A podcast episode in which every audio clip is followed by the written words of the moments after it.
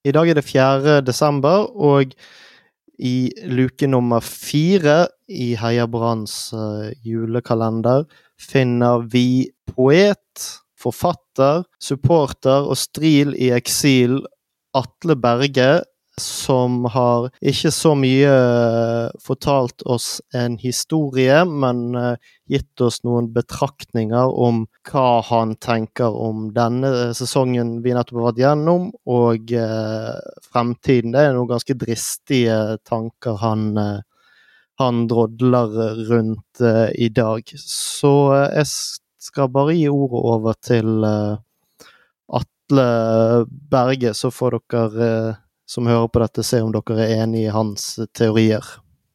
Branndagboka 4.12.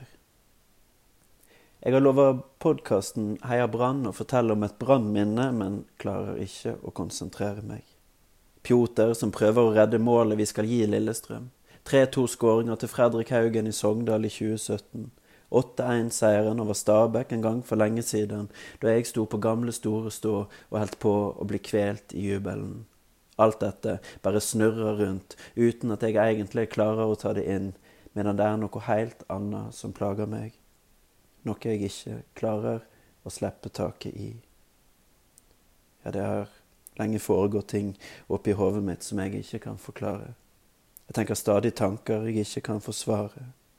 For jeg veit jo at det er en giftig idé. Men hva om, ja, hva om hva om Brann blir igjen nede i Obos? Hva om Brann blir for alltid i Obos? Alt var alltid så lett nede i Obos. Jeg mener, vi var aldri klar i nevene i Obos. Vi sang høyere enn alle i Obos. Jeg tror måla var større i Obos. Politiet lager disko i Obos. Vaktene elsker pyro i Obos. Ingen trengte gjerder i Obos. Banen var for alle i Obos. 80 enkle mål ned i Obos, 100 fergeturer i Obos, 1000 i Corteo i Obos, én Helge Karlsen på vorspiel i Obos. I kiosken hadde de bestemor sine kaker i Obos.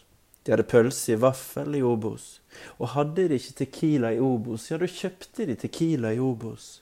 Så hva om, ja, hva om, hva om Brann blir igjen nede i Obos? Karen blir for alltid i Obos. Alt var alltid så lett nede i Obos. Livet burde vært mer som livet i Obos. God jul og godt nytt Branner.